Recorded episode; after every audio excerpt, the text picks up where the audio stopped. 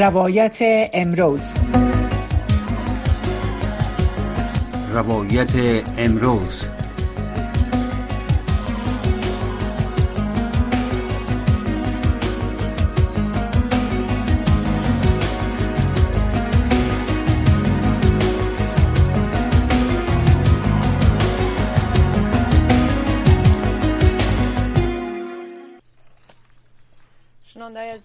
رادیو آشنا صدای امریکا. سلام و وقتتان بخیر. امیدوارستم در هر کجای که هستین صحت و سلامت باشین و شنونده و بیننده برنامه روایت امروز از امواج رادیو آشنا صدای امریکا باشین. باز هم برنامه روایت امروز نیم ساعت آینده ما فرخنده پیمانی خدمت شما عزیزان قرار دارم. در این برنامه که البته اختصاص یافته داده شده در مورد آموزش دختران و ادامه محرومیت دختران افغان از آموزش یا مکاتب بالاتر از سنوف ششم در افغانستان. دو مهمان گرامی در برنامه داریم. مهمان اول ما فلورانس صافی یکی از معلمین یکی از مکاتب در افغانستان و همچنان زینت وطن دوست یکی از متعلمین که در افغانستان سنف دوازدهم را تکمیل کرده. که از ادامه تحصیل محروم ساخته شده. خب قبل از اینکه های برنامه خود ما در برنامه خوش آمدید بگوییم و بحث را با ایشان آغاز بکنیم بعضی از تازه ترین موضوعات که در ارتباط به آموزش دختران در رابطه با واکنش ها در این رابطه در جهان رخ داده او را با شما عزیزان شریک می سازیم و بعدا مهمانان گرامی خود را صحبت با ایشان آغاز می کنیم خب در حالی که زنگ سال جدید تعلیمی در افغانستان نواخته شده ملل متحد از محروم ماندن بیش از یک میلیون دختر از آموزش ابراز نگرانی کرده. دفتر هیئت معاونت ملل متحد در افغانستان ناوقت روز سهشنبه. البته گفته که با آغاز سال جدید تعلیمی در افغانستان بیش از یک میلیون دختر اجازه حضور در های درسیشان را ندارند. یونما همچنان گفته که مأموریت هیئت معاونت سازمان ملل متحد در افغانستان یک بار دیگر بر مقامات حاکم صدا می کند که تمام سیاست های تبعیض‌آمیزشان را علیه زنان و دختران تغییر دهند. این گونه سیاست ها نه تنها نیمی از مردم را از رسیدن به آرزوهایشان باز می دارد بلکه به افغانستان نیز آسیب زیادی وارد می کند همچنان این در حال است که محمد اشرف غنی رئیس جمهور پیشین افغانستان هم در رابطه به مسدود ماندن مکاتب دخترانه واکنش نشان داده و گفته که خاموشی زنگ مکاتب بر دختران افغان یک مرگ تدریجی می باشه و همچنان نظام تعلیمی کشور در این 19 ما تابع و پیرو نظام خشک مدرسه های پاکستان گردیده. موضوع است که اشرف غنی رئیس جمهور سابق افغانستان در سخنهای خود گفته بودم.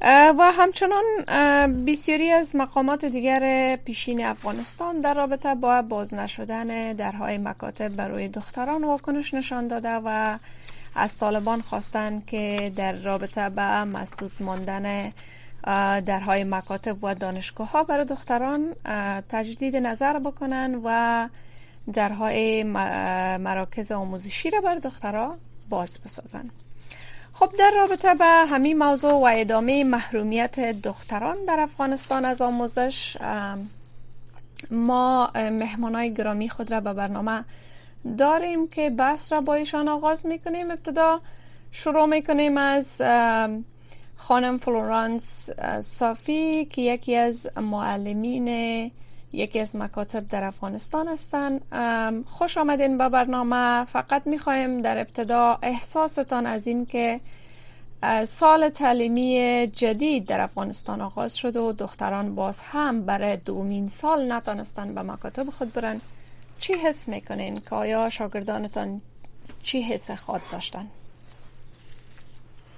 ما بخیر انشالله که همه جور خطمن باشه یک چیز ما تنها نیکل که تمام معلمین که تدریس می‌کردن بسیار حسی یک استفاده دارن خاطر که امسال دو سال شد که تقریبا دخترها بازم ناامید شدن دروازه های مکتب بسته است با وجود که سال اول هم امید دادن که مکاتب باز میشه فقط به گفتار بودن در عمل سال دوم همین قسم تا حال هیچ عملی نشده و بسیار سخت تمام میشه مخصوصا به هم به شاگردا و طبقه اوناس و هم با استادا چون فیصدی یعنی طبقه فیصدی زیاده استادای ما کار وظیفه داشتن و تنها خودشان نانآور خانواده بودن که از هر نگاه ضربه اقتصادی و ضربه اقتصادی رو وارد می‌کنه و هم ضربه اجتماعی اگر فکر کنیم که یک نسل ما تقریبا دو سال به معنای دو قرن یا قرنها نسل از تحصیل عقب ماندن که بسیار یک ضربه کلان است به ملت که نمی‌تونن این در ظرف یک سال و یا دو سالی را جبران کنن. الان سر وقت است. ما صدا بلند کردیم و صدا بلند می‌کنیم که دروازه های مکتب لطفا باز کنن نه که شد دخترای مکتب مازی زیادتر ضربه ببینم و در تکلیف روانی روحی دچار یا خود خودکشی کنن و یا فامیلایشان. چون وضعیت است مجبور هستن به زور به ازدواج های اجباری هزاران مشکلات به وجود می آید یعنی بسیار من خودم در تنگ هستم. چون شروع سال که می بود زنگ مکتب زده می شد ما و طرف مکتب می رفتن شاگردان همچنان به طرف مکتب می رفت و ما آزری بود طرف تعلیم و یا بعض چیزا رو جور می‌کردیم سنفار تنظیم می‌کردیم. یعنی این مشکلات همین مسائل که ما حل می‌کردیم شاگردان میمد و فعلا همگی ما خبر هستیم که شاگردا دخترات طبقه اونا در خانه نشستن و توانایی در خواندن خو از طریق آنلاین اصلا بیچاره ندارن. چون که افغانستان یک کشور عقب از عقب مانده است فقیر است. نمی‌تونیم که ما توسط بعض خلاقیت هایی که دو سال ایجاد کرده ما ای, ای, کمبوتی پر کنیم یا ای خلال بله. کمبوتی کنیم. از سر نگاه ما که اگر ببینیم بسیار مشکل هستیم در کشور خود. بله. خب خانم صافی شما که با شاگردانتان بیشتر در ارتباط هستین چی میگن شاگرد است چی وضع روحی برخوردار هستن؟ آیا این دو سال تقریبا سال دوم آموزشی و یا تحصیلی است که اونا نمی‌تونن به مکتب خود باز بگردن و بالاتر از صنف ششم البته سالهایی است که بیشتر دختران کوشش می‌کنن تا بتونن صنف دوازدهم را فارغ شوند و برشته دلخواهشان کامیاب شوند در چی وضع هستن آیا هنوز هم امیدوار هستن که دوباره باز بگردن به مکاتب خود؟ اگر ببینیم ما همین ما دوره ما را سپری کردیم. وقتی که سال تعلیمی آغاز می‌شد همین ما با شور شب خود آماده می‌کردیم باز جور می‌کردیم یا کتاب و بسیار آماده می‌کردیم و طرف مکتب می‌رسیم مستقیم باز فردا می‌بینیم که به خیر مکتب میریم و به کنفرانس خود میریم. حال این وضعیت چنین حالت سر شاگردان مکتب آمده که اصلا امید برشان نمانده. چون دستی اول نیست ای دو سال شد که گفته رفتن اما عملی نکردن. شاگردا بیخی ناامید شدن. اما شما ما که به تماس هستن و گروه واتساپ یا داریم سوال می‌کنه که استاد مکتب چه وقت شروع میشه. ما برشان نمی‌تونم گفته که ما در حکومت یا شرایط قرار داریم که اصلا شما دخترها را به چشم انسان نمی‌بینید. براتون ارزش قائل نیست احترام قائل نیست که درس بخوانید. موجوده که در قرآن عظیم شان شریعت اسلام حق حقوق به مرد و زن مساوی داده و زنها هنوز بیشتر حقوق داده که علم به زن مرد فرق گفته. نه تنها به مرد. اگر تنها به مرد میبود ما می‌گفتیم برو سعید. اما اسلام ما یک داده یک اساسی اولی همگی است. یعنی به مشکلات زیاد دچار شده. ما بازم با وجود که تمام مشکلات از باز دوباره ما روحیه میتیم خیر است. امید خدا میره در روزای مکتب باز میشه ما گپ می‌زنیم. کشورهای همسایه گپ می‌زنه فشار میاره جلسه گرفته میشه فقط شما بین خود مطالعه کنید مشکل باشه امرای سازان چند در جریان بارید همه مشکلات هم میشه. اما ما این وضعیت که می‌بینیم و این حکومت می‌بینیم حسن امید نیست. تا امرسانی ماند امرسانیشان هم معلوم نیست. یعنی وقتی که شاگرد زیادتر از شاگردان ما که فارغ از صنف 12 بودن امتحان کانکورشان لغو شد که امتحان کانکور دادن نتونستن و کسایی که صنف اجازه بودن 12 رفتن. یعنی ما به می شکل بعد دو سال چند میلیون ما دخترای ما که می‌خواستن دکتر شون انجینر شون یا اقتصاددان شون حقوقدان شون ما این از داریم اینا نمی‌تونیم اینا رو جبران کنیم. آیا می فکر کردن وقتی که یک تصمیم می‌گیرن او از نگاه باید فکر کنن منطقی تصمیم بگیرن؟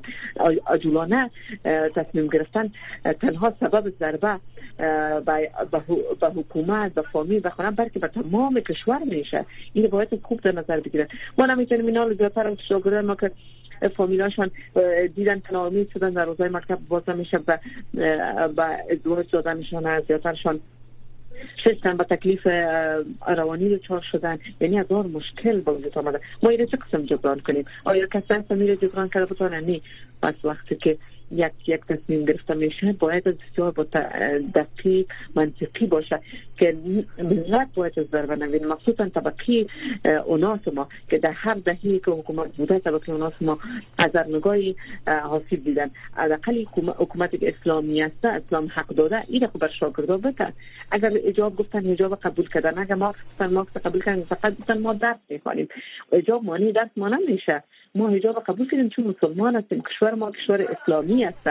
اما فامیلا مسلمان هستن الحمدلله. سابقا به شکل لباس های اسلامی شریعت شریعت درست قبول کرده بودن. قانون اسلامی بود می‌رفتن به مکاتب خود استادای ما طبقی از اوناس ما طبقی اوناس بود از ذکر ما طبقی ذکر بود تا ما مختلف بود. پس از کدام نگاه یا مختلف خیر اسلامی یا مطابقت به حکومت زیاد نداشتی؟ قیدات آوردن و این دو سال شاگردای ما را از, از مکتب باز ماندن. این می‌تونن جواب داده که از کدام نگاه. ما چندین بار ما بسیار گفتیم بازم میگم لطفا امی تعلیم و درس و شاگردار سیاسی نسازند اینها اصلا به سیاست ربطی ندارن. بانن کشور ما حق دارن. مخصوصا نسل جوانه که فعلا یا می‌خواین درس بخوانن زحمت بکشن. کشور خود خدمت کنن اگر سوار این مهاجرت های اجباری که مهاجرت ها هستن میرن. نصفشان در دریا میشه نصفشان می‌رسن نمی‌رسن. اصلا آینده برای دو نیستن چی خواهد شد آخر از این جوان ما. توقع دارن که نسل جوان بشینن درس فرار نکنن از کشور خصوص زمینه کار هم مساعد کو زمینه تحصیل هم مساعد کو چی در توناس چی در ذکر یا کار کنن درس کنن که به کشور خود خدمت کنن. وقتی که تمام راه ها به یک به شهروند بند میشه خب مجبور مجبور است که بره به کشور دیگه مهاجرت کنه. و مهاجرت هم معلوم نیست که ای داره نداره. ما بله. نمی‌تونیم کسی یک قضاوت کنیم. خب با توجه به که تقریبا 19 ماه از حاکمیت طالبان بر افغانستان میگذره و در این مدت که به طور روزافزون محدودیت های زیاد بر زنان و دختران افغان وضع شده که از او جمله بیشترین و عمدهترینش آموزش و کار حق حقوق اساسی زنان است که بیشتر زنان از او محروم ساخته شدند. و کشورهای جهان هم با البته با صدور اعلامیه ها بسنده کردن کار عملی در این عرصه صورت نگرفته بان که اعلامیه های زیاد از طرف سازمان ملل متحد سازمان های حامی حقوق بشر نشر میشه و صادر میشه طالبان چندان توجهی نکردن به نظرتان اگر این وضعیت بیشتر ادامه پیدا بکنه دختران افغان با چی پیامدهای دیگه فکر می‌کنین که مواجه خود شدن؟ این گپ واضح هست. اگر طالب ها از گپ سازمان ملل کشورهای اروپایی و یا اساسا ملل یا حرفای میگن یا قانون که میگن مطابق از او عمل کنن نکنن ما شاهد حوادث بیش از حد از بدتر هستیم. قسمی که در دو سال کدرهای علمی ما رفت از وطن فرار کردن. ما جوانای ما رفتن برای شهید شدن در ها غرق شدن و آل نصف تقریبا نصف جمعیت کشور ما را که طبقی اوناس تشکیل میتن از تحصیل باز مانند خانه بیست نوشت این ایت فکر نکردن اگر یک دختر تاثیر می‌کنه یک فامیل تربیه درست میتن مدیریت یک خانواده فامیلی سالم به بار بیاید وقتی که یک یک طفل درست تعلیم تعلیم یافته و پرورش یافتی درست به جامعه تقدیم کرد به جامعه سالم می داشته باشیم اگر جامعه سالم داشته باشیم ما کشور درست مترقی داشته می باشیم این و گپ دومی که تمام به خبرها من میش می‌بینم تقریبا هستم که همه حکومت ها یا بریتانیا کانادا یا آمریکایی هست که ما حمایت می‌کنیم پشتیبانی می‌کنیم از آموزش دختران افغانستان. امیگه خو جدی عملی نشان بده که ما ببینیم. از دو سال تقریبا نمی گپ میشیم اما اصلا ما عمل مثبت را ندیدیم. محکوم کردن و تحکیم کردن و گپا اصلا معنایی نداره. و کسی معنا نداره که توان وقتی که ها توان دارن بچه رو جدی عملی اقدام نمی‌کنن چون سه فشار نمیاره سر امارات سر طالبان سر امارات که دروازه های مکتب برای دخترها باز کنن از هر نگاه ما آسیب می‌بینیم. کشور ما بدون از او آسیب دیده است جنگ دیده حقق مانده هزار نگاه. اگر در دو سال ما چی چیز در کشور ندیدیم. از از اگر نگاه تحصیل بگوییم یعنی خبر این شما همه جهان که چندین تقریبا 32 حتی 40 بندیز قیدول بالای خانم ها آوردن که از حتی ما به پارک ها نماندن کلب ها را بند کردن. پارک یک یک جای است که انسان می‌تونه یک کمک هوای تازه بگیره. او را سر مردم بند کردن. مکاتب بند کردن وظایف بند کردن. اینجا و جاری شد. بدون محرم ما رفتن هم می‌تونیم یعنی چی داره ما بازم گفتیم خیر از اما کار اساسی بنیادی که از هر کشور هست. تعلیم تربیه کشور است. که اگر در کشور تعلیم تربیه نباشه امی تعلیم بنیاد اساسی کشور تعلیم است که نباشه و کشور اصلا هیچ وقت پیشرفت نمی‌کنه ترقی نمی‌کنه. پس ما به مو 20 سال قبل که طالبان ما بودن وضعیت بسیار خطرناک بود. حالا ما رقم است. هیچ تفاوت نداره. پس همون رقم به طرف عقب ما رفتم میریم از یه مارسون چیزی چون نمیشه این رقم تحولات گدوتی تا خواهد بود. اما از کشورهای سازمان از کشورهای اروپایی سازمان ملل و عفو بین الملل که و سازمان حقوق بشر که داد می‌زنن. خواهش من که لطفا جدی عکس العمل نشان بده در مقابل طالبا و امارات. اینی که فقط یا یک محکوم کنه که ما محکوم می‌کنیم. همه ما محکوم می‌کنیم. و باید یک ضرب الجل باشان تعیین کنه. اگر این سال مکاتب باز نشد فکر نکنم دیگه آینده هیچ وقت مکاتب برای دخترای ما باز خواهد شد. بله.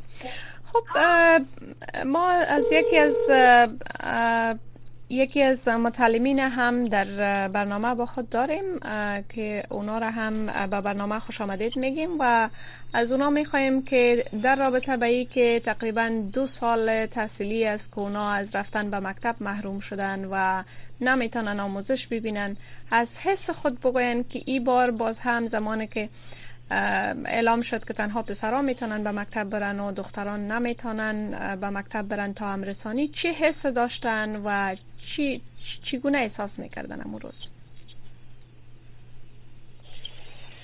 بسم الله الرحمن الرحیم.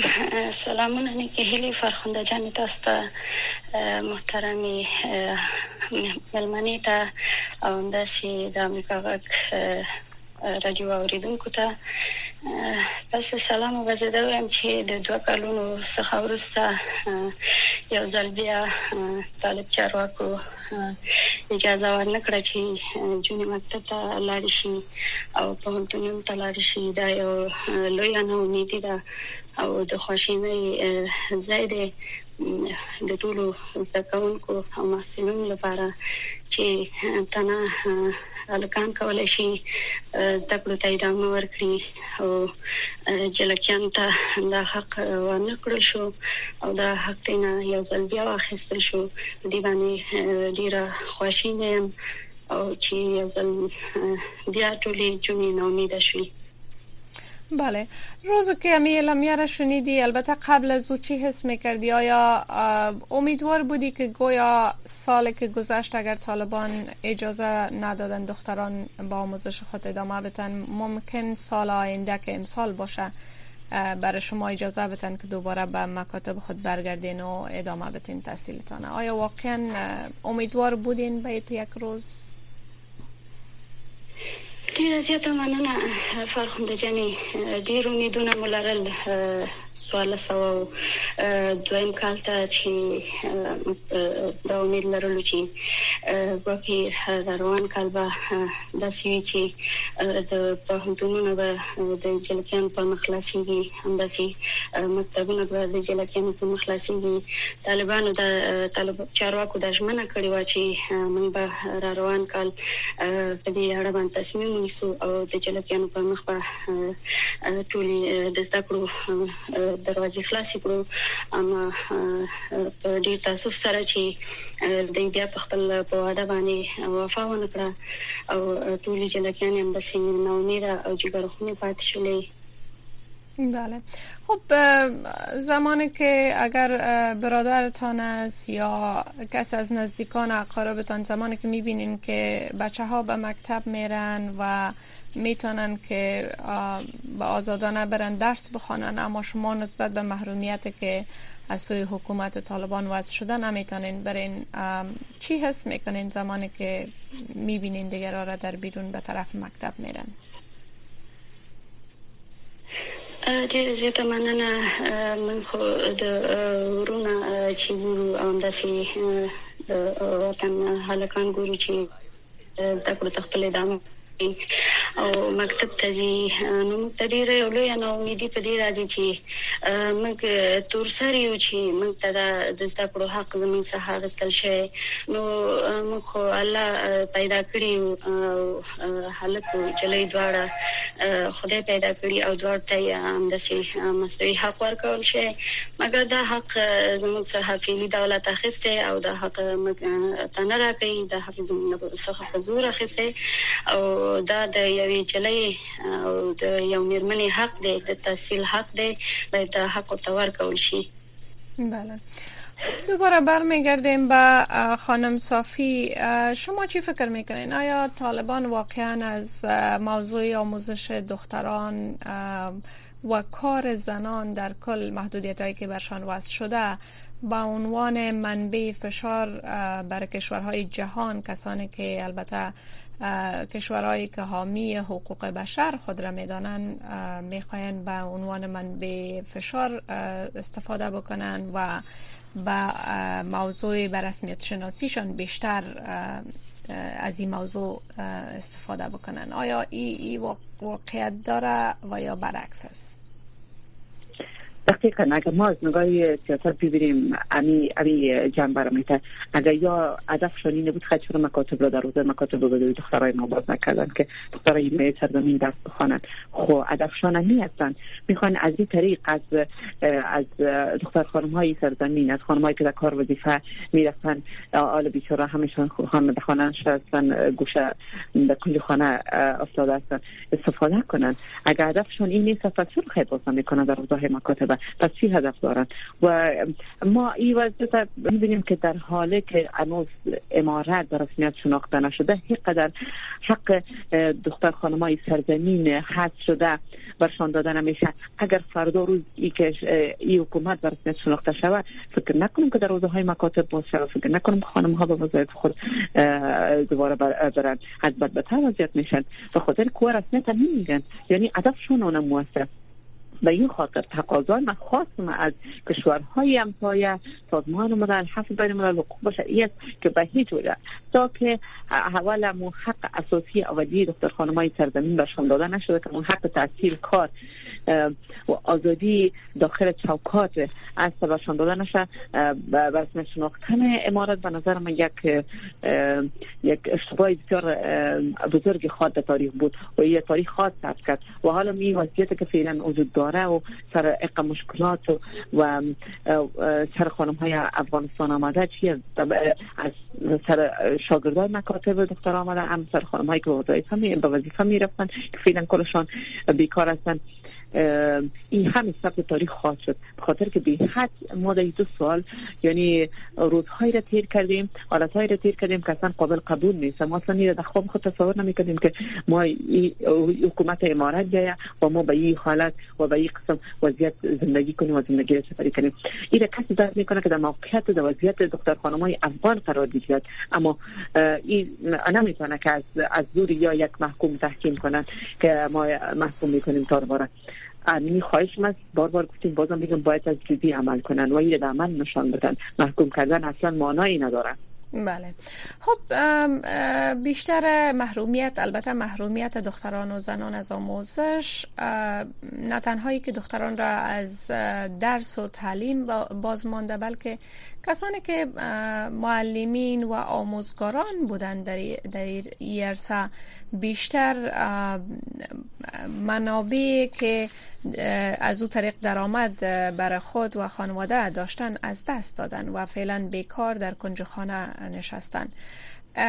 چقدر از دست دادن وظیفه و یا منبع درآمدتان در زندگیتان در دو سال تقریبا دو سال تحصیلی که مدت 19 ماه تحت حاکمیت طالبان میشه چقدر باعث مشکلات اقتصادی برای شما شده و همچنان مانند شما دیگر کسانی که وظایف خود را از دست دادن؟ اگر ما یه ببینیم هزار نگاه هم به فامیل صدمه رسانده و وضعیت اقتصادیشان خراب شده اما جامعه. یک خانمه که سرپرست نداشته. یعنی خودش سرپرست خانواده بوده نانوار خانواده بوده. وقتی که این چقدر یک حس بد است که طرف اولاد خود ببینه که اولادش به خوراک پوشاک چیز نداشته باشه به خاطر که ما میگه سمور خرج خانه می‌کرد گچی ماش معلمین شما خبر هستین که از افغانستان ماش, ماش معلمین نسبت به دیگه کشورها بسیار کم است در حالی که بهترین ماش معلمین و اساکر دکتر یک کشور داشته باشه از ما برعکس است اما با کمترین ماش بازم قناعت داشتن و زندگی خود سپری می‌کردن اما ماش که می‌گرفتن حتی کرای خانوادی کرای خانی خود دادن نمی‌تونستن قصدار می‌شدن تا که دیگه ماشش میامتی می رقم حتی یعنی تکمیل نمی‌شد. اما ماشش درش کفایت نمی‌کرد. مگر بازم شکرگزاری می‌کردن و شکر می‌کرد که حداقل وظیفه میرن. دستشان به کس محتاج نیستن دراز نیستن و نمی‌تونن که خیرات طلبی کنن و به کوچه براین و به سرک ها بگردن. آل مجبور هستن که وقت فامیل دت وضعیت می‌بینن. مجبور هستن. رای حل نیست که به سر سرک برای و یا به دروازه تک تک بزنن که به ما کمک و یک لقمه که اولاد از گرسنگی میمیره و این همچنان اگر ما ببینیم از یک نگاه دیگه که سبب فساد اخلاقی در یک اجتماع در کشور میشه. این در نظر دیدن امارت که این کار کردن جمعیت کشور ما را که خانم ها و دفتر خانم ها تشکیل دادن و خانم هایی که دیوه بودن می‌رفتن کار می‌کردن چی در مکاتب بودن معلمین ما بودن چی در مستاد دولتی و غیر دولتی همشان آن گوشنشین در خانه هستن. پس بله. این ما فکر کنیم و در وقتی که ما در کشور قطمانده ماندیم زندگی از او چی حالت باشه حالا من می‌بینم در گروپ هایی که هستیم و می‌بینم خانواده به کمک سخت ضرورت داره ایران میمونه که آدم چی کنن؟ به کدامش زودتر؟ خود ما نداریم به خود یعنی یک یک کار کنیم. چطور ما بتونیم به دیگرها کمک کنیم. و به هر آدم دیگر خود میشه که یک وظیفه داشتن که از این طریق یک لقمه نان حلال روزی حلال پیدا می‌کنن با فامیل میوردن حالا همون را از از از از ازشان امارات گرفت ازشان طالبا گرفت. حالا دوچار ایران هستن پریشان هستن که چی کنن؟ که به سر کار برای به دروازه تک تک بزنن. و فعلا وضعیت آمده که هیچ کس زندگیشان درست نیست که دیگه کمک کنن. و جز دربار خدا. و ما به خاطر اگر ما ببینیم از نگاه ما آسیب دیدیم ضربه دیدیم. در در خانه وقتی وقتی که اقتصاد خراب باشه ما نتونیم از مشکلات جنجال ها جنگ جدال همه چیز به وجود پیدا بله. میشه وقتی که خب. اولادهای که در خانه هستن برشان رسیدگی نشه مجبور هستن فامیل اولاد خود به فروش برسانن یا که از بدن خود به فروش برسانن که اولادش از گرسنگی بله. نموره این خب مشکلات زیاد بله بله تشکر. خب یک کوتاه نظر زینب جان زینت جان هم میشنویم که در کل چی خواستتان خواستتان از مقامات طالبان چی است در رابطه به آموزشتان؟ زینب جان. بله صدای مرا دارین؟ بفرمایین. بله بله بفرمایین. ډیره زیاته مننه زه هیله لرم د فیلم له خونه د تلقیا وکړو خونه. چې دا مکتبونه د غیر پرانستل شي د پوهنتونونو پرانستل شي دلته تقریبا یو میاشت کې چې پاکستان ته راغلي نو دلته جلسیان ګورم ټول په لوړ سوي باندې پونتونونو ته ځي مکتبونو ته ځي او زموږ په وطن کې زموږ جونې په سترګو باندې ژاړي. مکتبونو دروازې په مخ باندې باندې دي د پوهنتونونو باندې دي. دا مکتبونو چې کله نو تعلیمي کال شروع کیږي نو زموږ د جونو دړنه یو خدای خبرې موږ چې اوس بیا دې کوم پرې بیا دې په اړه کې نو د دې نه لطفا خواهش لرم دا مکتبونه د زموږ په مخ باندې خلاص دي دا پونتونه د خلاص دي د جلکیان ټول دي سرنوشت دي او دا مې ته نه هیله دی باندې باید فکر وکړي دا پاکستان یو اسلامي مملکت دی او جلکیان ټول په لوړه سوي ورکی مکتب ته دي په هنتونونو ته دي نو په اسلام کې جلې ته د مکتب د تللو اجازه نه وي د پوهنتون د تللو اجازه نه وي پاکستان هم یو اسلامي ملک دی ولې د دې ځلکیان مکتبونو ته د پوهنتونونو ته د په لوړ سویا باندې ټول خدي په کمپنیګانو کې کارونه کوي وظیفې اجرا کوي زموږ په ملک کې خدي ته اجازه نه ورکول کیږي د کار د تعلیم د هیڅ یک جان تشکر. مهمانای گرامی زینت وطن دوست یکی از متعلمین از افغانستان و همچنان مهمان دیگر ما خانم صافی که برای برنامه اشتراک کردن و نظریاتشان با ما و شنونده عزیز شریک ساختند یک جان سپاس.